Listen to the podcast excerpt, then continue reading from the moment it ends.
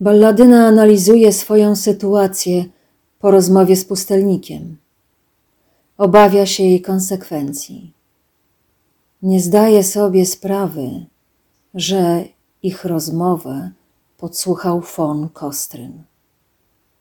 Tymczasem do zamku przybywa Gralon, sługa Kirkora.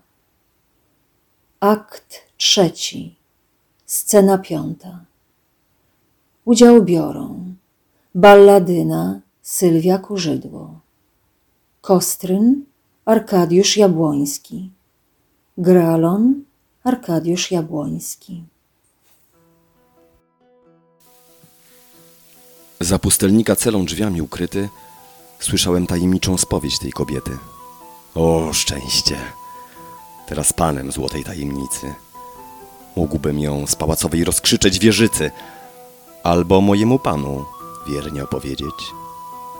Albo okropną powieść wyrazami cedzić, jako piasek klepsydry w pani trwożne ucho, aż zobaczę skarbnicę tego zamku suchą, jako czoło Araratu. Wraca balladyna.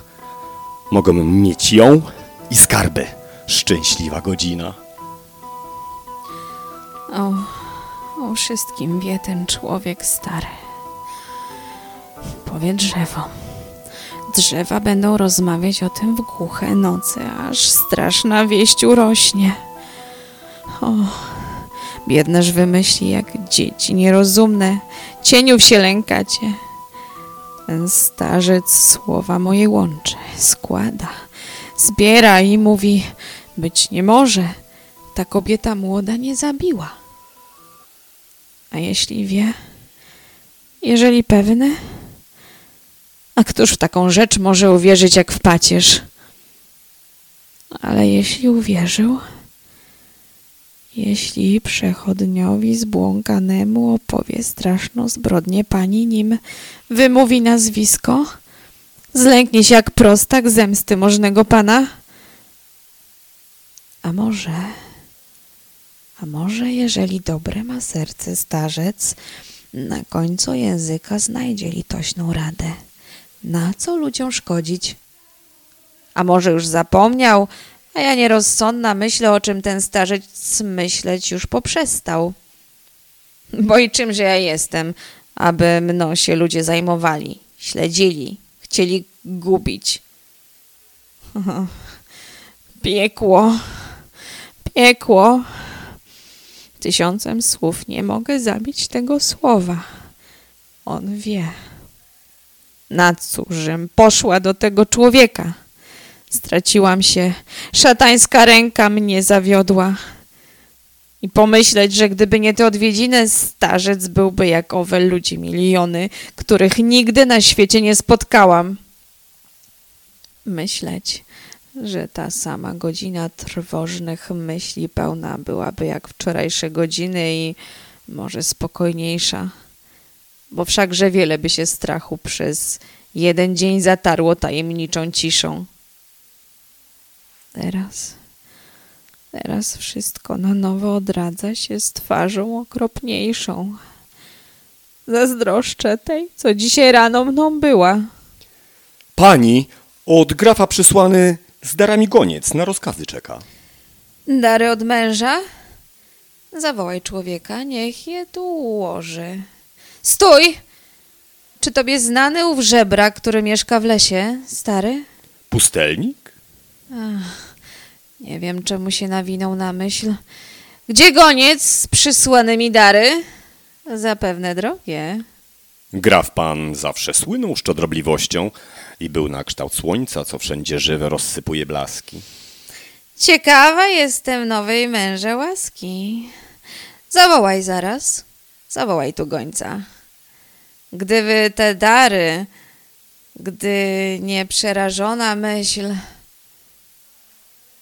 Na co było pytać się Kostryna o tego starca? Przeze mnie Gralona Kirkor pozdrawia. Zdrów? Zdrów jak malina. Czy mąż ci kazał taką osłodzoną przynieść odpowiedź? Graf dał polecenie, aby te skrzynie z pieczęcią czerwoną przyniósł do zamku i nakazał żenie, tobie, grafini, abyś nie ruszała pieczęci jego nikłudek u wieka, aż sam powróci. Bog daj bym skonała, jeśli rozumiem głos tego człowieka. Powtórz. Graf Kirkor Wiem!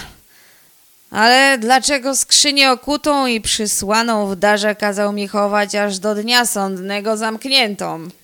Mówił pan, bo ja tak każę, ni, nic więcej. Głupcze! Twoją głowę ciasną nosisz na karku w skorupie blaszanej, aby w niej wróble jak w dziurawym garku gniazda winęły. Skrzyni okowanej nie ruszać. w Kirkora podarku widzę nieufność, nie zaś wierną miłość, ty podły chłopie. Choć długa zażyłość łączy cię z panem, nie miałbyś odwagi ruszyć tej skrzyni, bo ty chłosty, plagi czujesz na grzbiecie. Ale ja, małżonka, jeżeli zechce, gdyby mi szepnęła mucha, gdyby cichego skowronka głosek podszepnął Otwórz, a od dzieła szatan odpędzał ognistymi skrzydły, to wiesz ty, podły służalcze obrzydły, że wola moja. Grafini. Ty może chcesz przypominać, że mój mąż ma prawo, więc niech doświadcza. Co mi tam? Mój Boże, gdybym ja była jak inne ciekawą, to... Ale wy mnie nie znacie. Przysięgam. Ja tak trwożliwa, że nawet w ogrodzie po jabłko z drzewa upadłe nie sięgam. Jeśli mąż zechce o chlebie i wodzie żyć będę zawsze wesoła jak wrona na cudzym płocie. A nim teraz w złości. Masz, stary, oto złotówka czerwona. Weź ją i przepij albo przegraj w kości. I goń za panem. Powiedz, że go czekam z niecierpliwością, że łzy po nim ronię, że jedwabiami złotymi wywlekam szarfę dla niego. Gdzieżeś ty, Gralonie, odjechał pana? W Nadgoprzańskim Boże. Nie zatrzymywał się nigdzie po drodze? U pustelnika stanął w celi. Boże, u pustelnika.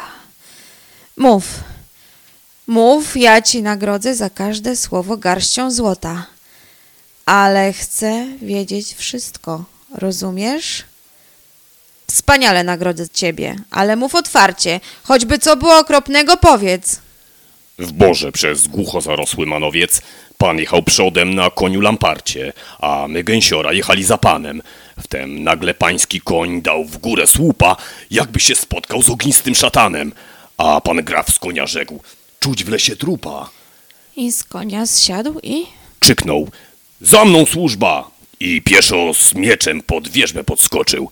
Na mchu trup leżał, a pierś mu toczył wianek żelaznych gadzin. To wróżba naszej wyprawy, że graf. Oto leży przed nami ścierwu zabitego tura.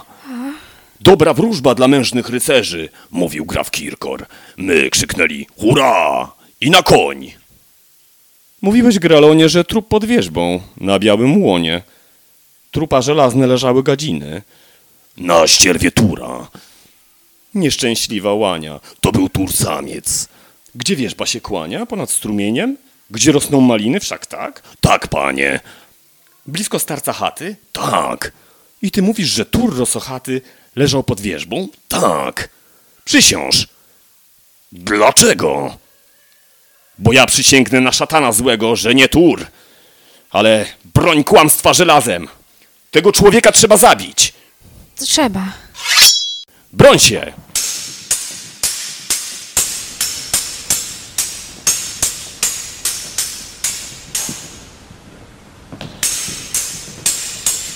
Mm, Co znaczy? Masz! O jasne nieba! Zbrodnia! Grafini. Napadliśmy razem na tego starca. Czy wiesz, co to znaczy? Wiem, mój Boże. Ja biorę połowę twego strachu, tajemnic rozpaczy. Co teraz zrobić, Kostrynie? Mieć głowę